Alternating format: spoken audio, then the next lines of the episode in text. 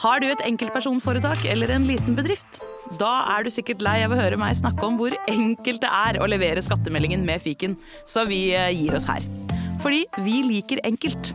Fiken superenkelt regnskap.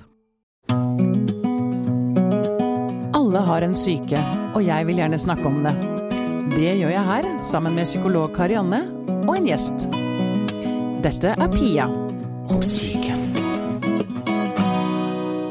Pia og psyken handler jo veldig mye ofte om sykdom. Karianne. Ja. Det gjør det. Mm, og så tenker jeg, Vi har snakket sånn eh, hvordan liksom, vår historiefortelling, eh, identiteten du skaper deg Det kan være lurt å kanskje heller snakke om fris friskheten. Mm. Ja. Og ressurser og Ikke sant? mm. Mm. Det skal vi mm, få gjort til gangs i dag. Mm. Velkommen hit, Arnhild Lauveng. Takk. Du er psykolog.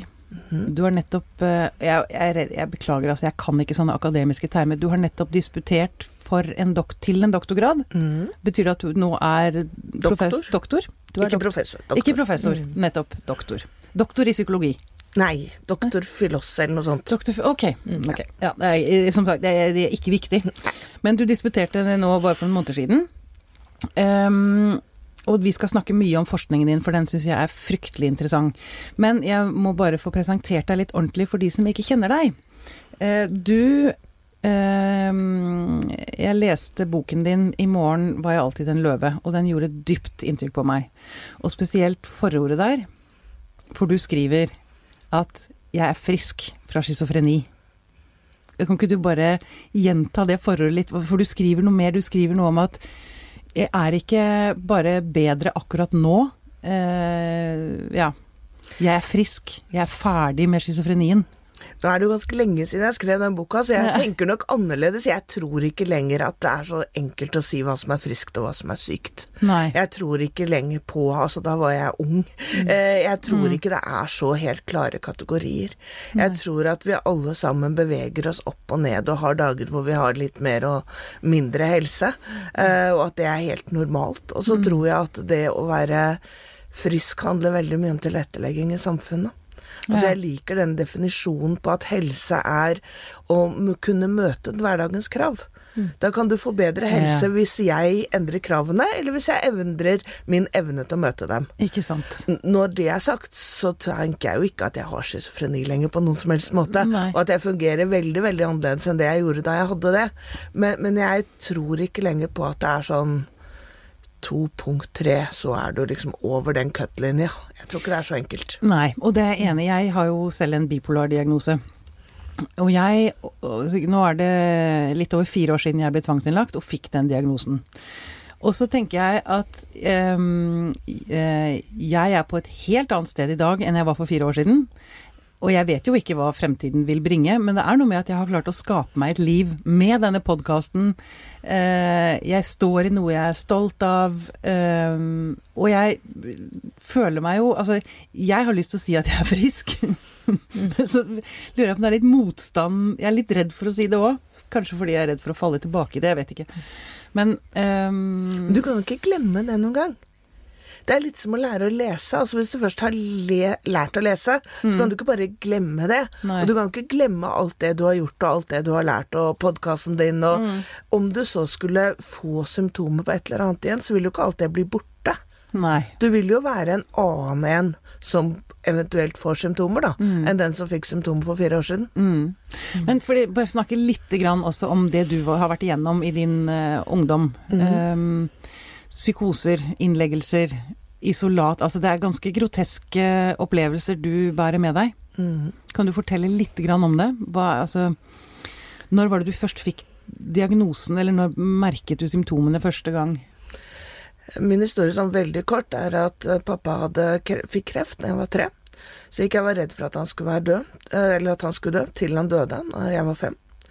Da jeg begynte på førskolen, så var jeg seks. Så ble jeg mobba fra jeg var seks til jeg var 16.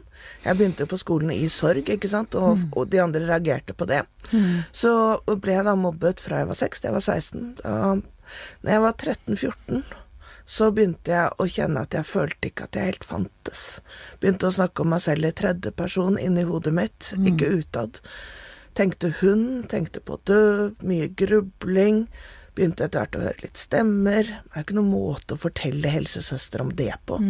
Eh, jeg prøvde, jeg føler meg litt rar. Ja, det gjør jo alle 13-åringer.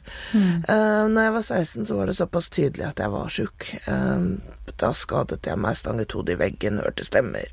Uh, turte ikke sove om natten fordi kapteinen ville ikke la meg få lov til det. Da ble jeg innlagt. Så var jeg innlagt til jeg var rundt 26. Inn og ut og inn og ut, og veldig mye inn. Veldig mye tvangsmedisinert. Bodde på aldershjem i fire år. Eh, og var regnet som håpløs og oppgitt. Og så ble jeg utskrevet, og så begynte jeg å studere først videregående, og så forberedende, og så psykologi.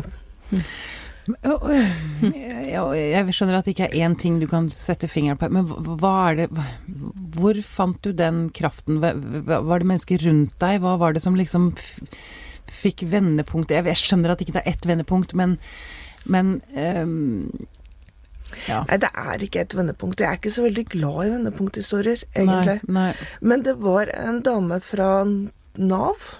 Eller det, Nav var ikke oppfunnet, Nei, men eh, noe het- lignende. Det het eh, noe annet, ja. Uh, og hun kom og sa at vi må ha en plan. Den norske regjering har bestemt at alle under 26 skal ha en plan. Hva vil du bli? Ja. Og jeg var jo innlagt på gamlehjem, faktisk.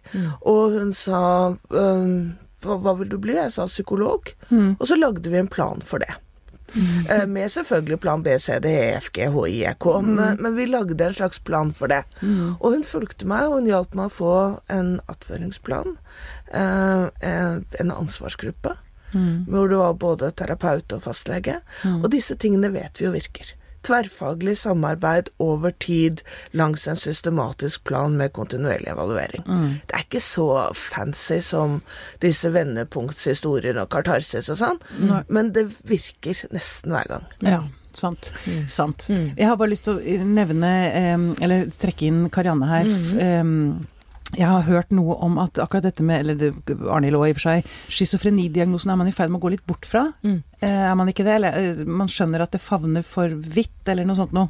Ja, altså Det kan denne Arnhild kan veldig mye mer om enn meg, men det vi, det vi kan si, eh, som jeg kommer på når du snakker nå, Arnhild, er jo at eh, for det første, diagnoser som sådan, uavhengig av om det er bipolar eller schizofreni eller hva det nå er, det er jo bare reine beskrivende kjennetegn på noe som er som man ser som er uttrykk som er vanskelig. Det sier ingenting om hvorfor det er der. Det sier ingenting om hvordan det kommer til å bli i fremtiden. Eh, Det er rein deskriptiv informasjon. Ja, og det er, jeg tenker jeg er så viktig å få frem. Det er kjempeviktig. Eh, og det er for, sånn er det ikke ute i samfunnet. Det er sånn du er schizofren, du er bipolar, og så er det ferdig med det, liksom. Ja. Sånn opplevde jo jeg da jeg gikk gjennom helsesystemet. At det var sånn ok, svar på disse skjemaene. Ok, du er bipolar 2. Fint, da skal du ha den medisinen. Ha det. Mm. Det er litt sånn. Ja, og jeg opplevde i tillegg at det ble litt sånn eh, Du har de og de symptomene, da er du schizofren. Hvorfor har du de symptomene? Fordi du er schizofren. Ja. Og så blir det sånn helt Ja. sirkulært. Det blir jo helt meningsløst. seg sjøl i halen. Ja. Ja. Ja. ja. Det er veldig Ja. Ja, og det er, og det er jo det, det er ikke mm, det, det skumle blir når vi snakker om det som en identitet. For det er ikke det det er. Og det, det som også man kan være litt bekymret for, er jo man, man kunne tenkt at veldig mange av de biologiske forklaringene som er begynt å komme på schizofreni, f.eks. bipolar lidelse, at det kan hjelpe den som har det, fordi at da, da er det ikke dens skyld, på en måte. Det er noe man har kommet inn i verden med. Samtidig så er det noe veldig sånn fatalistisk Veldig. over det. Eh, og veldig pessimistisk. Og veldig lite presist. Og veldig lite presist. Nå gikk jo jeg gjennom alle disse teoriene i forbindelse med disputasen min, for jeg fikk det som oppgave. Ja. Og vi har ikke noe Det er jo ikke noe gen Nei, for de finner schizofreni. jo- finner jo ingenting i hjernen. De finner ikke noe gen. Ikke det. Eh, Altså det, du, det de leter etter nå, det er liksom flere gener som i samarbeid Kanskje sammen med miljøfaktorer kan øke risikoen for noen pasienter. Det er jo ikke mer spesifikt enn det. Mm. Nei. Og så er det som du sier, det er symptomdiagnose. Mm. Altså Det er som hodepine. Det kan skyldes alt fra hjernesvulst til forkjølelse. Mm. Og det kan, det er også viktig, og det kan ramme alle.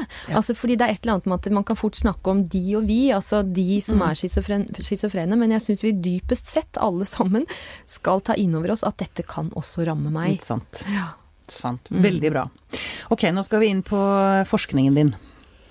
Eh, For du tok for deg DPS-er i Norge, og såkalt eh, Hva kalte du det? Dagfolkehøyskole eller noe sånt noe i Danmark. Og så snakket du med pleiere og pasienter i Norge, og lærere og elever, som de kaller det i Danmark. Og bare ordbruken her, tenker jeg er Dette er mennesker som har samme type diagnose, samme alvorlighetsgrad. Ja. Ok, og nå skal jeg Ja. Um, funnene dine er ganske oppsiktsvekkende. For meg ikke overraskende, men allikevel oppsiktsvekkende. Fordi Ja, fortell. Ja og nei. Ja. Altså, det som jeg Det er jo en kvalitativ studie, bare for å si det. Mm. Jeg har veldig mange intervjuer. Jeg snakker jeg har 75 intervjuer, men det er likevel kvalitativt, så vi kan ikke generalisere så mye. Mm. Men eh, de danske elevene har det veldig mye bedre enn Mm. de norske. De norske elevene trives, stortrives. Jeg må, Norske studentene. Ja, vi, fordi det er pasienter. Pasienter. Vi ville kalt dem pasienter i Norge. Ja, alle har diagnoser. Alle har alvorlige diagnoser. Mm. Schizofreni, bipolar lidelse, med og uten rusproblemer, eh, alvorlige personlighetsforstyrrelser. De fleste har mange diagnoser, og de har de oppå hverandre. Mm. Og inntakskriteriet mitt var at de mest skulle vært syke minst to år. Og alle hadde vært syke i minst fem, de fleste i 10 eller 20 eller 30. Ja, og vi snakker hele aldersspennet her, eller ungdommer, eller? Nei, vi snakker um, Den yngste var vel i midten av 20-årene, og så var de opp til midten av 60-årene. Ja, nettopp. Så det var voksne over 18. Ja. Og ehm, De norske de var inn og ut av DPS. Inn og ut, inn og ut. Ble innlagt, ble utskrevet, ble innlagt, ble utskrevet. De hadde det ganske bra når de var inne, så ble de veldig raskt syke når de kom ut. Og så var de i en slags sånn kronisk krisesituasjon. Og alle har sagt men du snakket jo med når de var innlagt, da var de jo veldig dårlige. De var ikke så dårlige når de var innlagt, de var mye dårligere når de var hjemme og var såkalt friske. ja. Mens elevene som gikk på skolen, de yngre, altså under 30-40, de hadde jo masse planer. De gikk i gang med utdanning og skulle få seg barn og på en måte leve et helt vanlig liv. Noen hadde gifta seg, noen hadde fått tilbake omsorg for barn. Eh, De som var eldre, som kanskje var over 50 og hadde vært syke siden de var 10, de blir kanskje ikke helt friske og kommer ikke ut i full jobb. Det er egentlig ikke å forvente etter så mange år med medisiner. Men um, de hadde bedre liv, de ble ikke akutt innlagt, de hadde bedre livskvalitet, og de hadde flere interesser. Og de rapporterer om vesentlig Altså i Norge så var det mye ensomhet eh, og andre ting. eh, De led, altså. De sa 'jeg lider meg gjennom dagene'. De hadde det forferdelig når de var hjemme. Alvorlige symptomer, ensomhet, ingen relasjoner, ikke noe håp. Satt bare der, og de hadde det forferdelig, mange av de. og det rapporteres noe helt annet da fra de i Danmark. Ja. Der snakker de om håp og Venner, at de Venner. gleder seg til å gå på skolen, at de har det gøy, at de er glade, at de gleder seg til å se vennene sine. Sant. Og egentlig så kan du si at det er oppsiktsvekkende fordi de har samme diagnoser og sånn, men det er jo ikke så oppsiktsvekkende. Nei, det er det jeg sier. Jeg er Altså- ikke overrasket. Det er jo egentlig helt sunt bondevett, liksom. Altså Det jeg har brukt året av livet mitt på å finne ut, er at folk som har gode venner, gjør morsomme ting, spiser gode måltider, er fysisk aktive og er ute i frisk luft, Mm. ser ut til å ha det noe bedre enn de som sitter noe aleine i en leilighet og spiser brødskiver. Oi, for en bombe at det er eh, Det er ikke veldig revolusjonerende. Nei, det er jo ikke det, men det er derfor jeg mener at jeg er jo ikke overrasket. Men det jeg er overrasket over er, og den- nå går vi over til neste spørsmål, hvorfor har vi det sånn i Norge? Og ikke sånn som de har det i Danmark. Hvorfor har vi havna der? Altså Det er ikke alle som har det sånn i Danmark. Danmark har veldig mye selvfølgelig, selvfølgelig. tradisjonell Men, men bare for å sette disse to opp Ja. mot hverandre, da. Mm. Jeg tror de har det nokså likt i Danmark. Jeg hadde en dansk opponent, og hun sa dette er unntaket. Det er Ja. ikke sånn vi har det i Danmark. Nei, så det er okay. viktig å understreke. Ja. Jeg tror at den tradisjonelle psykiatrien er veldig opptatt av at vi skal behandle sykdom. Mm. Vi skal behandle symptomene, vi skal gjøre folk friske. Det er liksom det helsevesenet gjør. Mm. Behandle sykdom. Og så er det noen mennesker som kanskje har så store problemer at de ikke klarer å skaffe seg alle de tingene som trengs i et godt liv. Mm. Venner, eh, fritidsaktiviteter. Du klarer ikke å ta initiativ selv, for du er for syk på en eller annen måte. Og for utrygg, tenker For jeg. utrygg. Mm. Og det der du sa om, i stad om identitet, tenker jeg er så viktig. For vi vet jo nå at et av kjerneproblemene ved schizofreni sannsynligvis er at du har en svak opplevelse av et jeg. Ja, Altså at du ikke sant. føler at du er sånn som jeg som snakka meg selv i tredje person og tenkte at stemmene styrte meg og sånn. Jeg hadde jo blitt mobba så mye, jeg hadde vært så liten og jeg begynte å bli redd. Tenk på unger som blir utsatt for overgrep, vold. De får aldri utvikla et trygt jeg. Og da blir det vanskelig å få venner, interesser, ta tak i livet sitt. Så jeg tenker at hvis vi legger til rette, sånn som jeg var inne på i stad, altså hvis vi legger til rette kravene, sånn at det blir lettere å få venner, lettere å gjøre morsomme ting, så kan man få alle de tingene man trenger for et godt liv, og få det bedre. Det er bare snakk om å legge lista litt lavere. Ja, men jeg tenker jeg kan høre politikere si ja, men det er altfor dyrt, eller eh, Men jeg tenker Jo, men Vet du, det må jeg Unnskyld, men det må jeg svare på. Ja. Det gir et tilbud til 60 alvorlig syke pasienter for 5-6 millioner danske i året. Ja. Fem dager i uka, fem timer om dagen, pluss Ja. noen helger og kvelder. Og de blir ikke innlagt lenger. Og det- Dette er småpenger. Det er sannsynligvis en brøkdel av det vi bruker på de pasientene her i Norge. Ja, veldig godt. Men hva, hva skal til for ærlig, nå, jeg, jeg har bare lyst til å høre mm, Karianne. Jeg vet at du har nå sikkert sittet og tenkt mange ting, Ja, sannsynligvis. Ja, ja, det, det, ja, ja, særlig en ting som, som jeg hører i det budskapet du sier nå, Arne, som er veldig viktig. Og det er at det, det betyr jo faktisk da at selv om man har en alvorlig psykisk lidelse, så kan man faktisk oppleve god psykisk helse.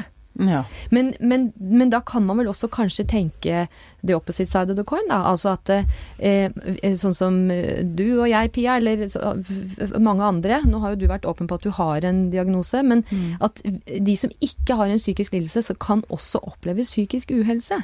Mm. Som igjen blir litt sånn betydningsfull i forhold til det at man ikke skal skille så mye på de og vi, da. ja. Det, er det ikke det litt Jo, det du jeg, sier jeg syns det er eller? viktig å skille mellom psykisk sykdom og psykisk helse. Ja. For jeg tenker at du kan ha god og dårlig psykisk helse uavhengig av om du har en psykisk lidelse eller ikke. Og så er det selvfølgelig sånn at hvis du lever med dårlig helse over tid, så kan du bli syk av det. Ja. Og hvis du lever med god helse over tid, så kan du jo få bedre, bli friskere. Mm. Men, men at det kanskje er Vi har kanskje vært litt opptatt av den der diagnose, sykdom, symptom, Ja. Mm. Kanskje vi burde jobbet litt mer med å gi folk bedre helse. Men hva, hva drømmer du hva, hva, har du? Hvis, hvis du kunne være mm, Hvis du kunne være helseminister, hva ville du gjort? Åh, for et drømmespørsmål, Pia. Det, Og jeg ville gjort oh, veldig nå kan du bare bre deg ut, Åh, da kunne jeg gjort veldig mye. Eh, hvis jeg var helseminister, så ville jeg gjort mye forskjellig. Da ville jeg ha Jeg ville nok ha droppa pakkeforløpene. For jeg tror ikke noe særlig på pakker. Alle sier det. Alle i bransjen sier det der. Og hvorfor driver du gjennomfører det? Jeg skjønner det ikke. Altså Som jeg sa i stad, dette er symptomlys. Jeg tror ikke på noe pakke for hodepine. Altså, det går ikke, så det tror jeg ikke noe på. Jeg ville ha satset mer på de alvorligst syke. Ja.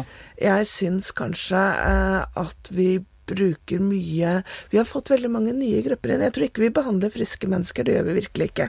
Men vi har fått inn veldig mange nye grupper som ikke var på asylene. Og de er nå i helsevesenet og får behandling, og det er bra. Ja, Hva snakker vi om da? Nei, altså Vi snakker om f.eks. at i 70, på 70-tallet så var det 2,6% barnehagedekning. Alle de kvinnene som er kommet inn i arbeidslivet, en god del av de er og var syke. De var syke før òg, men da var de hjemme uten å være sykemeldte, og vi merka det ikke. Ah. Nå har de angstdepresjon og får behandling på DPS, og det syns jeg er flott. Vi har funnet de. Mange av de mennene som før gikk til sjøs eller jobbet i skogen, blir nå sett på sin alkohol og rus og problemer, og får hjelp. Og det er flott. Men alle disse får nå behandling i de systemene vi har bygd opp, og de som fikk behandling på asylene, har mistet De er kommet ut av samfunnet. Ja, sånn. De sitter hjemme i, i eh, omsorgsboliger som de ikke er så mye omsorg i, og får egentlig ikke verken behandling eller rehabilitering. Så det ville jeg gjort noe med. Men det var morsomt, for du sa hva ville du gjort hvis du var helseminister?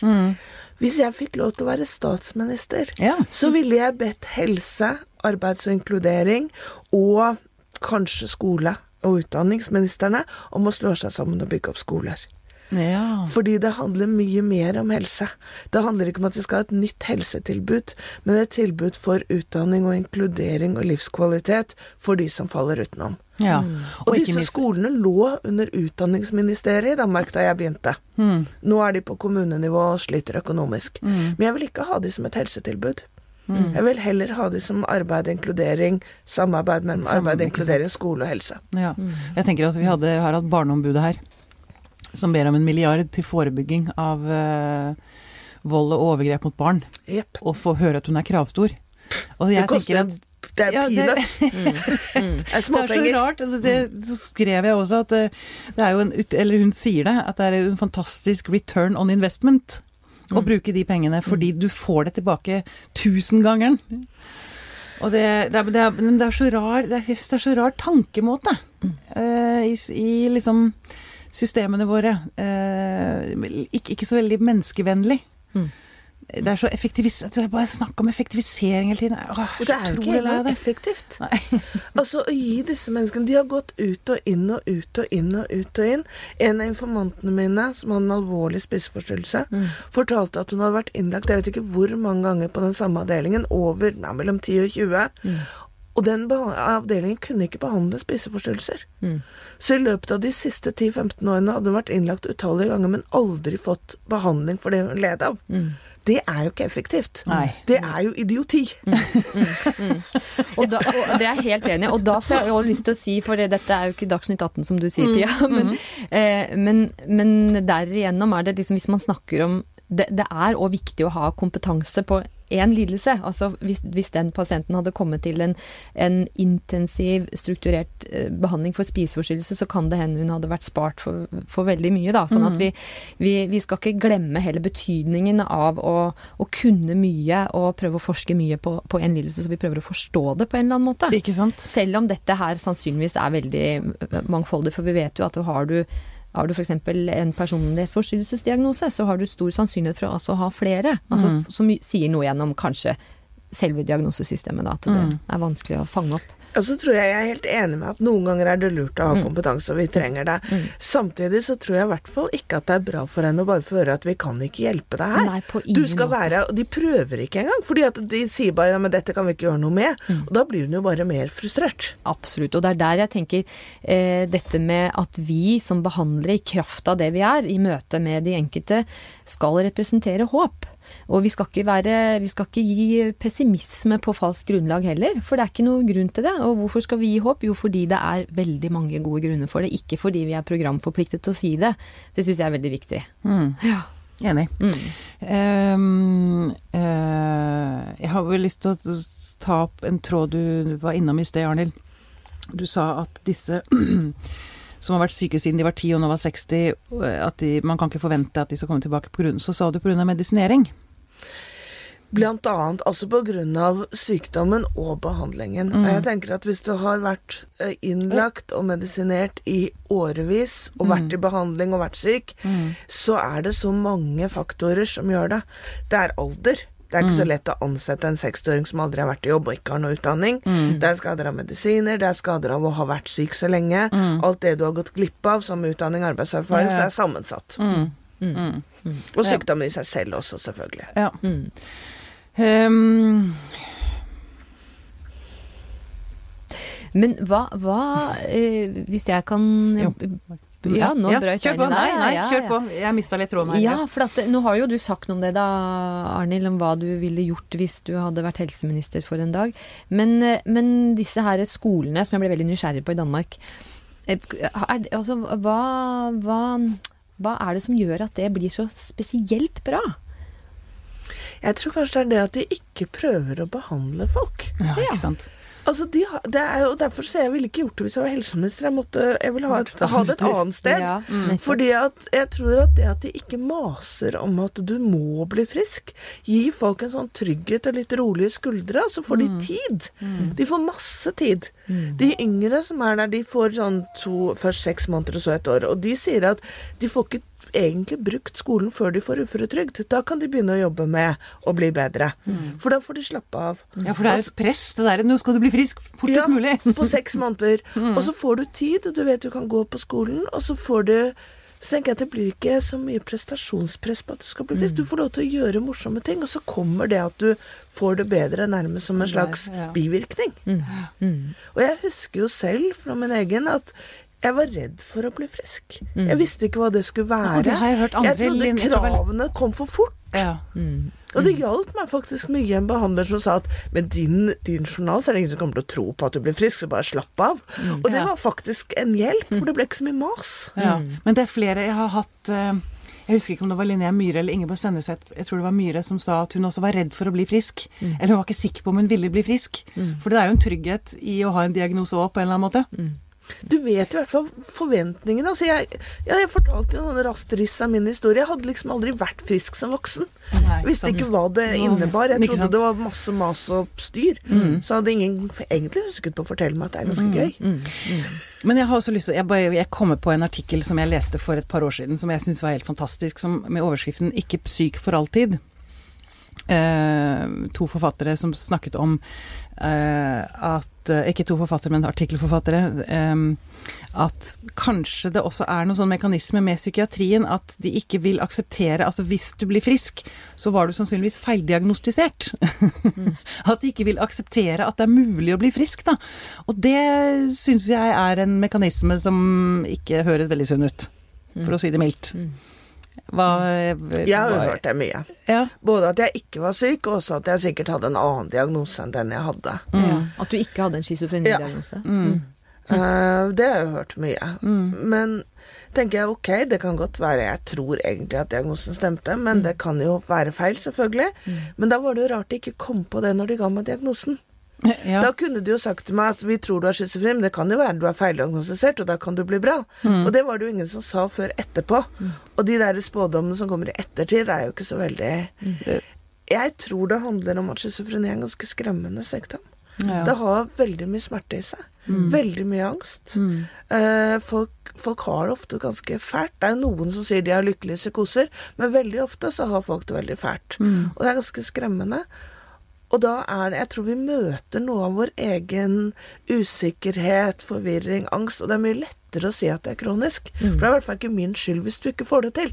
Ah, sånn ja, at det er ah, akkurat. Nettopp. Nettopp. Hva tenker du Karianne Nei, om uh... Ja, og jeg tror også at um, dessverre når det kommer til en så, så, sånn lidelse som schizofreni, da, som, som vi kan bli veldig eh, redde og bekymret og, og fryktsomme, vi som er rundt. Fordi det er jo også Vi har dessverre noen sånne eh, groteske eksempler på at det blir beskrevet eh, i nyhetene f.eks. at noen har, altså, noen har vært på trikken og skadet noen, eller noen har, Ja. en, noen har drept noen, og så blir ofte schizofreni nevnt i den sammenhengen. Ja. Eller Og psykose. Vær psykotisk. Tikkende bomber og sånn. ja. Mm, mm, og, og da, får vi det, da, da er vi utsatt for det vi kan i psykologien kalle for baseratefeil. Altså at vi, vi, når, vi når det får veldig stor oppmerksomhet, så tror vi at det er så mye av det. Eh, Baseratefeil, det er ja. fantastisk ord. Ja, det er en veldig god forklaring på det at eh, vi tror fenomenet er ekstremt stort. Mm. eh, og veldig mangfoldig. Det fins mange av det, og mye av det, når det får stor oppmerksomhet på en førsteside i avisen. Mm. Og så er det faktisk ikke det i det hele tatt. Og så har det i tillegg til det, så er det også noe med at veldig mange som hører nyhetene, kjenner kanskje ikke så mange som har schizofreni, eller de vet ikke om at det er den diagnosen de de kjenner har. Eh, den farligste gruppe, eller den nest farligste gruppen i Norge, er jo ektemenn. Men siden de fleste kjenner en ektemann som ikke har drept, eller flere, Ja. så er det ikke så lett å tenke på alle ektemann som Nei. tikkende bomber. Nei. Nei. den aller farligste gruppen i Norge er jo oss selv. Ja. Den, den det er størst risiko for at skal komme til å drepe deg på statistisk nivå, er deg selv. Ja. Det er en 500-600 selvmord i året ja, og en ca. 20-25 drap. Mm. Så raten er Det er mye, mye Ja, det er farligere. et viktig, veldig viktig bilde å ha med seg, altså. Ja, veldig. Og, og i den sammenhengen der så kan man, altså det har vel sikkert du òg vært utsatt for da, Arnhild, det med, med tvang. Som gjøres på veldig forskjellige måter. Men eh, og blir det gjort feil, så er det i verste fall eh, forferdelig og får store konsekvenser og kan skape traumer. Blir det gjort på en god måte, så kan det være en beskyttelse for oss selv når vi er der at vi står i fare for oss selv, da. Eller andre. Ja. Men vi har altså ingen sånne folkehøyskoler som du har besøkt i Danmark, i Norge. Nei. Why? Jeg vet ikke. Jeg syns vi skulle hatt dem. Ja, Uh, jeg tror det er veldig lite kjent. ja jeg gikk jo rundt nok. i veldig mange år og sa skulle vi ikke hatt skoler, bare fordi jeg syntes det var en god idé. Mm. Alle sa ja, jo, kanskje. Og så sa jeg det i Danmark, sa de det har vi jo. Ja. Eh, det, de syntes ikke det var noe spesielt spennende. Og jeg tenker de har eksistert i Danmark i 25 år. Det er ikke så langt til Danmark. Det er jo ikke det. Mm. Eh, og det har Det er ikke forsket veldig mye på det i Danmark, men de har eksistert. De har greiere, gode resultater. Og jeg, jeg syns jo at det er såpass småpenger at vi burde prøve det. Ja, jeg, Men det som er kjempeviktig, det jeg er redd for, da Mm. Det jeg er kjemperedd for, er at vi ødelegger det i importen. For det gjør vi gjerne når vi importerer ting. okay. Så gjør vi ting litt annerledes. Eksempel akutteam skulle jo ha uh, oppe 24 timer i døgnet, sju dager i uka. Mm. Komme og besøke folk fire ganger i døgnet og lufte bikkja deres. Mens i Norge så er det én samtale én gang i uken på dagtid. Og så har de ikke like gode resultater som hvis du kan få besøk fire ganger i døgnet. Og Nei, men som kommer det, hjem til det, er en, det er noe vi har importert. Ja, vi har importert det fra England, hvor de har veldig gode resultater, med et helt annet opplegg. Og så importerer vi det og sier at vi gjør det samme, mens vi gjør noe helt annet. Og så får vi ikke det. Mm. så gode resultater. Så det jeg er redd for, er at vi skal lage sånne skoler her, kalle det ja, gjøre det under helsevesenet, ansette bare sykepleiere, ikke lærere, si at det er maks seks måneder, kanskje kveldskurs tre ganger i uka. Da vil vi ikke få så gode er resultater. samme- vi må gjøre det ordentlig. Mm. Det er Veldig bra. viktig for meg. Veldig, veldig bra. Mm. Ja, det er jo jeg, jeg, Igjen så tenker jeg det er jo håp. Altså det, er, det finnes jo veldig mye bra folk der ute som gjør mye bra ting. Det er det. Og jeg tror ikke skole vil passe for alle. Det må jeg bare si. Folk er forskjellige, og jeg skal ikke Ja. legge ned alle avdelingene. Altså, jeg tror jo, og det sa jo mange av de danske, at de ville gjerne ha terapi i tillegg. Mm. Ja, Det er veldig vanskelig å få terapi i Danmark. Akkurat. Og de sa at hvis jeg hadde hatt terapi ved siden av det miljøet på skolen, så jeg hadde noen å snakke med om det som skjedde på skolen, så ville jeg få enda mer utvikling. Noen hadde prøvd det i korte perioder og sa det virker enda bedre. Ja. Det, for jeg syns det du sier noe om det, er en type modell som, og sånn som vi egentlig burde forstå psykoterapi. Fordi psykoterapi er jo ikke bare å snakke. Psykoterapi er også gjøreterapi. Mm. Altså vi, man kan godt sitte og snakke en time i uka, og det kan hjelpe, men, man må, men det må jo føre til at man gjør noe annerledes, da. Mm. Fram til neste time. Og i den modellen du skisserer der, da, hvis man hadde hatt den skolen og, og terapi, så hadde man jo fått gjort begge deler. Det ligner litt sånn som de gjør på noen barnevernsinstitusjoner nå. At de sier at for de, nesten alle disse pasientene har jo opplevd traumer. Ja. Sånn at hvis man sier at det å få omsorg, det å få glede, det å få gode opplevelser, er jo like mye terapi som bare snakketerapi. Absolutt. Ikke sant. Og, det, og, og tenker jeg også oppleve mestring igjen. Så det Ja. tenker jeg på meg selv, selvfølgelig, for jeg er jo det mest interessante mennesket for meg. Selvfølgelig. Sånn er det. sånn er det. Jo, men uh, jeg tenker at det har, vært, det har virkelig vært mye terapi å gjøre denne podkasten, denne mestringen. Altså gjøre noe og se at det faktisk hjelper andre. Og det er jo Ja. Mm. føler, at man har verdi og har det, har det gøy. Mm. Mm. De danske brukte ordet glede hele tiden. Ja. De sa det å ha så mange gode opplevelser, det at alle er så snille, det å få så mye omsorg, det å få så mye trøst. Mens, og lærere vil jo gjerne at elevene skal ha det bra. De fleste lærere vil jo det. Mens på sykehus er det jo sånn de skal ikke ha det for bra her, vi må få de fort ut. Og det er greit, for folk skal ikke leve livet på en sykehusavdeling. Men de har det jo ikke bra hjemme heller. Nei. Og jeg tenker at dette er folk som har hatt en ganske røff barndom, og som har hatt mye smerte. Det at de ikke har noen steder hvor de kan få ha det gøy, Mm. det, det plager meg. Mm. De trenger jo virkelig omsorg, gode opplevelser, god mat, eh, hyggelige mennesker, trøst. Altså alt dette. Mm. Det er det jo nesten ikke i norsk psykiatri lenger. Nei, ikke sant. Mm. Åh, det er så sant. Men eh, vi må bare heie på en sånn skole, da. Eller flere. Ja. En i hvert fylke, en i hver Mm. kommune. Mm. Mm.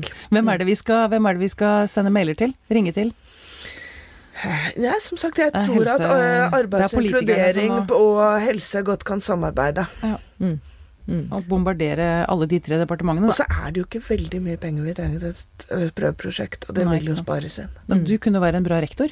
Nei, jeg vil Nei. forske på den, jeg. Jeg vil stå ved siden av forske på den. Ja, Vi ok. skal ha en eh, rektor til å være rektor, ikke en psykolog. Ja. Ah. Mm. Godt Good poeng. Arnhild. Mm. Veldig bra. Jeg skal gjerne sitte i styret og drive litt følgeforskning og sånn. Ja, veldig bra.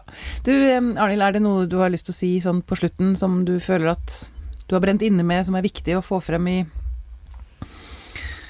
denne sammenhengen?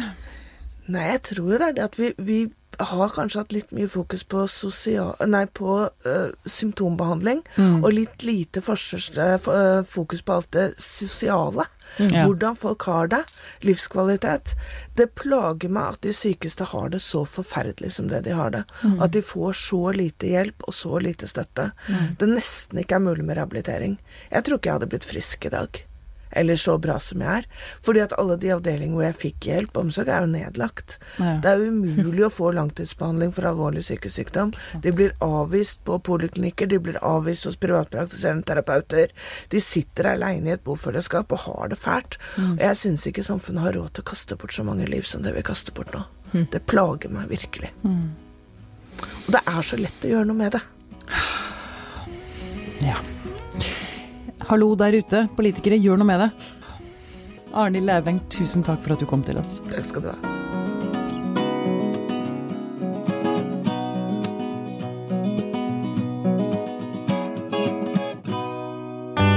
Denne podkasten er produsert av Tid og lyst. Med støtte fra stiftelsen Kåre Berg.